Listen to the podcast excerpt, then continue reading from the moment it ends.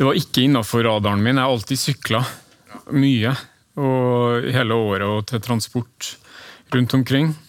Um, både i skogen og i byen. Um, men ikke tenkt på, dessverre, vil jeg nesten si nå, at jeg kunne prøve det på ett hjul.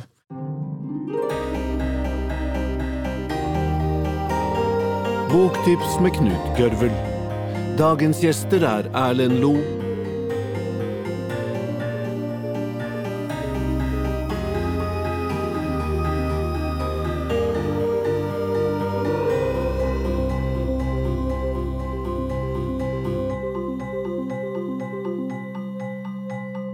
Kveldens første gjest er Erlend Lo. Han debuterte med romanen Tatt av kvinnen i 1993, og så fikk han sitt store norske og internasjonale gjennombrudd med Naiv Super i 1996. Han er også en elsket barnebokforfatter med Kurt.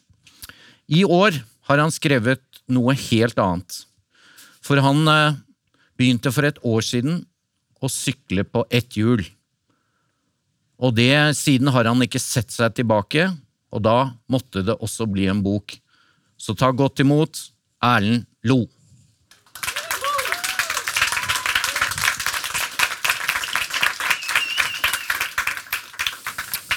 Hallo. Hallo, takk. Ja, øh, denne boken heter Forhandle med virkeligheten. Ett år på jul. Hva i all verden er dette? Ett år på ett hjul. Ett år på ett hjul. Riktignok. Ja, nei, det kan du jo spørre om. Um, det var jo ikke noe jeg hadde planlagt at jeg skulle skrive sånn bok. Men uh, jeg begynte nå med det her i april i, i fjor. 2019. Litt uh, tilfeldig på en måte, for jeg var Det var ikke innafor radaren min. Jeg har alltid sykla ja. mye. Og hele året og til transport rundt omkring. Um, både i skogen og i byen. Um, men ikke tenkt på, dessverre, vil jeg nesten si nå, at jeg kunne prøve det på ett hjul. Men så ble jeg utfordra litt av en uh, kompis som spurte meg om jeg ville være med å sykle Norge på langs. Og la til på et hjul. Og da begynte jeg å le og tenkte det var en spøk, men så skjønte jeg jo at det var jo ikke det. Det er slett ikke sikkert at vi skal sykle Norge på langs, men da ville jeg se om jeg var i stand, ville være i stand til å klare det her. da. Og jeg hadde også forsøkt det som 14-åring, for da var det en kompis som drev med alpint. Som eh, hadde det som sånn barmark, sommeraktig trening. Men da klarte jeg kanskje en meter eller noe, så jeg hadde jo mestra det på ingen måte. Men eh, skaffa meg en og satte i gang. Ja, og det er jo Du skriver annet om kunsten å falle, for det er ikke enkelt, dette. Nei, det er jo ikke det. Det føles umulig i starten, og det ser jo umulig ut. Jeg vet ikke hvor mange her som har sett en på ett hjul, som, eller ei, som kommer forbi. Men da, da, det er noe rart med hele tyngdekraft, og det virker ulogisk. Eh, jeg har jo fått folk som spør om det er noe elektronisk hjelpemiddel, noe gyroskop eller noe sånt som eh, sånne Segwayer har, f.eks. Om det er noe skjult system. Så det ser jo pussig ut. Og det er umulig å lære seg det uten å gå i bakken en del ganger. Stort sett så går jo sykkelen i bakken, og jeg springer videre. Uh, oftere enn ni av ti ganger, men innimellom, særlig fordi kula og dumpa og humpa i starten føles helt umulig, så detter jeg jo også på alle fire og på magen og har brekt en finger og litt forskjellig, men ikke noe voldsomme ting. Og, den, og balansen og beherskelsen kommer ganske fort. Og gleden over den type kroppsbeherskelse, styrken i den gleden har overraska meg veldig. Ja, for det, det er, Du er jo en spesiell person også i trafikken. Det ser jo veldig underlig ut når det kommer en Hvor høy blir du med en etthjulssykkel? Jeg blir relativt uh, høy. ja, du er jo, Hvor høy er du i utgangspunktet? Ja, jeg er vel 94, kanskje. Ja. Nei, Jeg er jo ikke i stand til å ha beina i bakken når jeg sitter på den sykkelen. Ehm, så litt avhengig av hvilken sykkel, så er jeg sikkert 210, 220, 230 eller noe. Ja, Så der kommer det en sånn ragende mann midt i trafikken Det det. som ikke kan stoppe heller? Eller? Jo, jeg kan stoppe. Og nå kan du stoppe, ja. Veldig fort. Ja, Nå mente jeg mer at ja, du kan ikke stå stille. Eh, Sånn, ja. Uh, nei, jeg, jeg kan sånn sett det nå. Jeg har lært meg å liksom hoppe på stedet. Eh, og det hender at jeg gjør det foran eh, rø- rødlys og sånn. Men eh, nei, det er selvfølgelig en, eh, en utfordring for mange å akseptere at det kommer en syklist på ett hjul i trafikken i Oslo. Eh, heldigvis finnes det noen andre også, har jeg oppdaga etter hvert. Og det tok meg jo noen måneder, sju-åtte, å bli trygg nok rent teknisk til å sykle i byen. Nå gjør jeg det hele tida. Å velge rute ut ifra hvor det er minst mulig kryss, og planlegge. Finne en del snarveier og bakveier som jeg ikke har eh, visst om før. Og har egentlig stor glede av. Det bruker jo lengre tid, selvfølgelig. Men, men eh, som du skriver om, så har du jo alltid vært en syklist. Og nå har du på en måte altså slått opp med gamlekjæresten tohjulssykkelen, da, eller? Jeg sykla på den hit, eh, for det skulle gå fort. Men eh, Nei, jeg har jo ikke det. Eh, Men veldig, i veldig stor grad lar jeg den stå. Og bruker etthjulssykkel til daglig. Og har akseptert at jeg blir en raring, og folk kan tenke akkurat hva de vil. Ja, for du med, med det skjegget og den høyden, så du, du slipper liksom ikke helt billig unna Nei, i men det ser jo ut som jeg gjør uansett hva jeg kommer på, men uh, det, sykkelen i tillegg uh, Det hjelper ikke. Det hjelper ikke. Men, uh, men du skriver også om Du har hatt noen En ting er at du sier at du får fall og, og har brukket en finger, men, men det er også Du beskriver den, det nederlaget det er å falle. Kan ikke du fortelle Ja, litt det Ja, det? ligger jo en, eh, en- en skam i det å falle uansett. Jeg tror vi, vi er jo eh, satt sammen sånn at vi, eh, vi skal holde oss på beina. Og hvis du snubler eller skal ganske lite til før omgivelsene som observerer deg, skjønner at her er det ugler i mosen, da. Ja. Eh, Så fall er jo ofte forbundet med å miste kontroll. Er man rusa? Et, et eller annet er feil? Og det blir veldig, eh, veldig tydelig. Så jeg har jo falt noen ganger i full offentlighet på alle fire og skrapa meg på knær og hender. Og, og da legger jeg jo merke til at eh, Og det gjør sikkert alle som har falt, eller faller rett som det. Forter meg veldig opp og undertrykker at det er vondt. Det blør, later som ingenting. Eh, Det er veldig viktig å se ut som jeg har kontroll med en gang etterpå. Gå hurtig og kontrollert bort. Eh, Ingen skal tro at det her gjorde noen ting. Så, så evolusjonen har på en måte ja, ikke gjort jobben sin, da, tenker jeg. I det øyeblikket man egentlig skulle ligge og vente på å få hjelp, så blir det veldig viktig å, man, eller å vise at man ikke trenger hjelp. Da. Og det er, en, det er en skam som ligger i det. Og spesielt antagelig når man kommer på et så rart en så rar farkost som et hjul, for da kan det lett å tenke at nei, du hadde jo ikke trengt å sette deg opp på den. Det er på en måte, Hvis du ikke kan det, så kanskje du ikke burde, burde gjøre det. Men eh, den skammen sitter eh, i. Men heldigvis blir det færre fall etter hvert. da. Men det er jo, Du beskriver jo dette at det er liksom som eh, å, å få makt over et vilt dyr. Dette her, Hvorfor i all verden gjør du det så vanskelig for deg? Kunne du ikke bare sykle på to hjul, eller kjøre bil, eller Jeg har jo gjort det i mange, mange år. Nei, det er jo nettopp det å beherske noen ting som er vanskelig og til og med umulig i starten, som gir et um, vedvarende adrenalinkick. Altså ikke bare en gang iblant, men hele tida.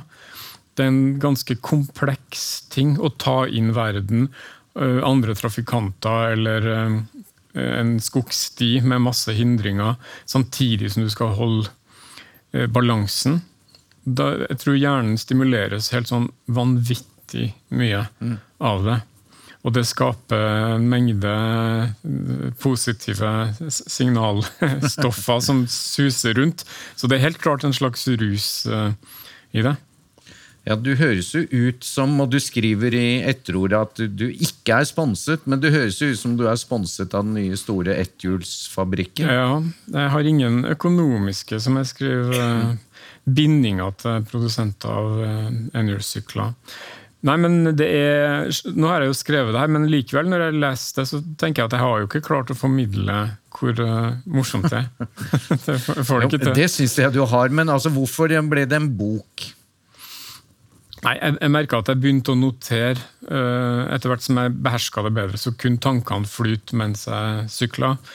Og da dukka det opp en hel masse refleksjoner. Hva er det her for noe? Hvorfor liker jeg det her? Uh, hva er det i det hele tatt med det å sykle? Um, det der med at det er en forhandling med virkeligheten. Sant? Virkeligheten vil jo at jeg skal deise i bakken. Den vil jo ikke ha meg oppå på det hjulet. Den gjør jo på en måte alt den kan for at jeg skal gå så lang og tung jeg er ned. Fortelling. Og det å nettopp motarbeide er ekstremt fascinerende. Mm. Så da hadde jeg etter hvert eh, skrevet mye og begynt å sette sammen. Så skjønte jeg jo her er vi jo egentlig en slags ja, uh, liten uh, refleksjon rundt det å sykle, som jeg jo har gjort veldig lenge og, og, har veldig stor glede av. Og det her tar det enda et skritt videre, rett og slett. Jeg får jo henvendelser. Hvor får man tak i en sånn sykkel? Så jeg merker at det er, du, du har startet en bølge? Ja, Det vet jeg ikke, men de rette folkene skjønner det her. Og i marka, når jeg sykler forbi litt sånne hardcore markasyklister, så jeg, ser jeg på blikket deres at de skjønner på ett sekund det her er bra, du, du gjør noe kult. Ja, og du, du, er jo, Det er jo litt morsomt. Jeg tenker at du ikke er så veldig sånn konkurransemenneske, men du er jo det sånn at du beskriver når du tar igjen de tohjulingene og sykler forbi av og til i bakker, så da får du jo ekstra stimuli. Ja, nei, jeg er nok i liten grad konkurranseorientert, men akkurat det å ta igjen tohjulssyklister som kanskje sykla forbi meg for en, et kvarter siden med et, litt, med et lite sånn hånflir, det er veldig gøy. Ja.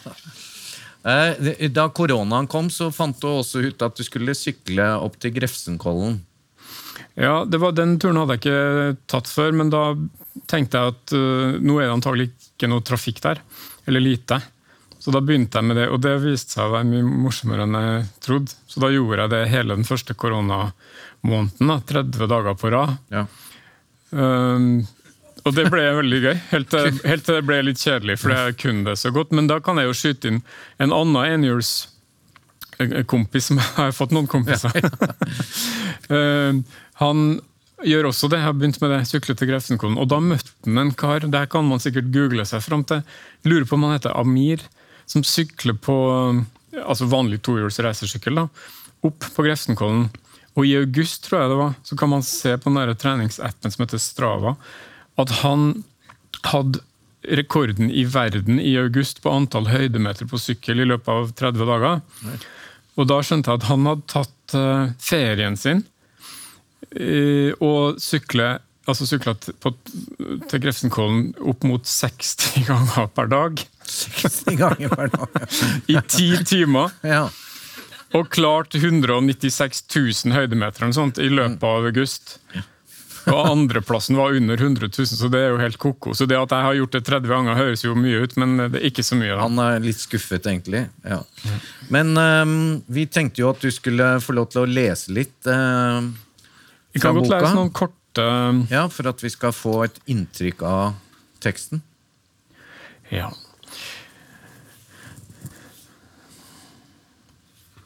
Først rullet jeg på fire hjul, så på tre deretter lenge på to, nå på ett. Det pågår en redusering. Til slutt, om noen år, har jeg ingen hjul, og blir til den jorden jeg hele livet har elsket å sykle på. Jeg hadde aldri trodd jeg kunne gjøre det, men nå flyr jeg lavt over landskapet. Øynene mine befinner seg omtrent 2,20 meter cm over bakken, og trær farer forbi tett på. Stien under meg er myk, alt er mykt, selv om det av og til også er steinete og ruglete. Noen ganger er det vått og glatt. Uansett må jeg ha kontroll fra sekund til sekund. En forhøyning der, en stein, ei rot, En vannpytt som kan være dypere enn jeg kan se. Jeg kan falle når som helst, men jeg faller ikke, for jeg kan fly, men av og til faller jeg likevel. Eller hopper av for å unngå å falle. En til, bare. Like kort. Ja, gjerne et par til. Gjerne et par til. Under visse atmosfæriske forhold og på visse steder, f.eks. i undergangen under Maridalsveien langs Ring 3, spesielt når asfalten er våt, men ellers også, forsvinner til og med det bitte lille suset fra dekket mot asfalten. Jeg blir helt lydløs. Og det får meg til å oppleve at jeg sykler i vakuum. At jeg befinner meg i verdensrommet og er på vei for å reparere noe på utsiden av romstasjonen. Noe kjempeviktig. Alt avhenger av meg. De andre på romstasjonen, dyktige astronauter fra hele verden, trykker nesen mot vinduene og håper med hele seg at jeg kommer til å få det til. Hvis ikke er det ute med oss.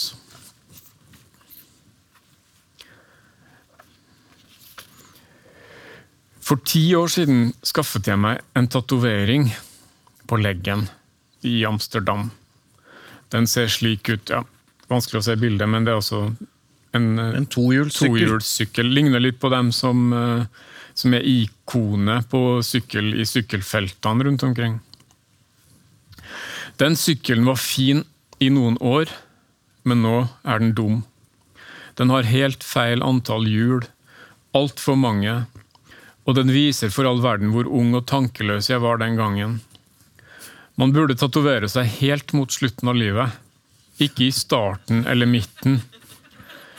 Det mest fornuftige ville nok ha vært å innføre en aldersgrense på 75 år for tatoveringer, kanskje til og med 80. Så kan man heller gå og planlegge og glede seg skikkelig lenge. Tusen takk.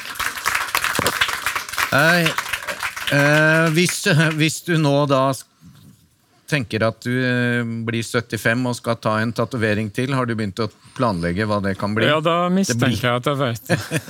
Du tror at du er like dedikert da? Så lenge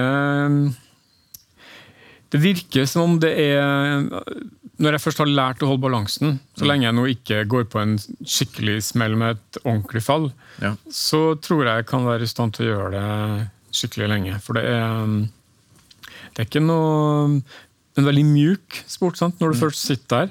Så er det, det er ikke noe sånn impact eh, med slag, sånn som veldig mye annen trening er, som gjør at folk detter av etter hvert. Ja, og så eh, skriver du også om at det er en veldig sunn, eh, sunn Ja, form for jeg trening. møtte, jeg møtte noen fra idrettshøyskolen som stoppa meg og sa det, at det var, fantes knapt nok noe bedre når det gjaldt eh, altså kjerne, mage, rygg Man sitter jo hele tida og mikrojusterer. altså Mange ganger i sekundet så er man jo her. Så det er klart at et eller annet driver og jobber, som er, virker positivt. Det høres veldig bra ut. Helt til slutt. eh, vi er jo mange som venter på nye romaner fra Erlend Loe. Er det noe du kan lokke med at du har begynt å skrive på noe mer? Jeg har begynt på noe for en stund siden som jeg prøver å finne litt uh, form på. Så før eller siden så kommer det en roman. Det hørtes lovende ut. Før eller siden kommer det en ny bok fra Erlend Loe. Gi ham en kjempeapplaus. Tusen takk.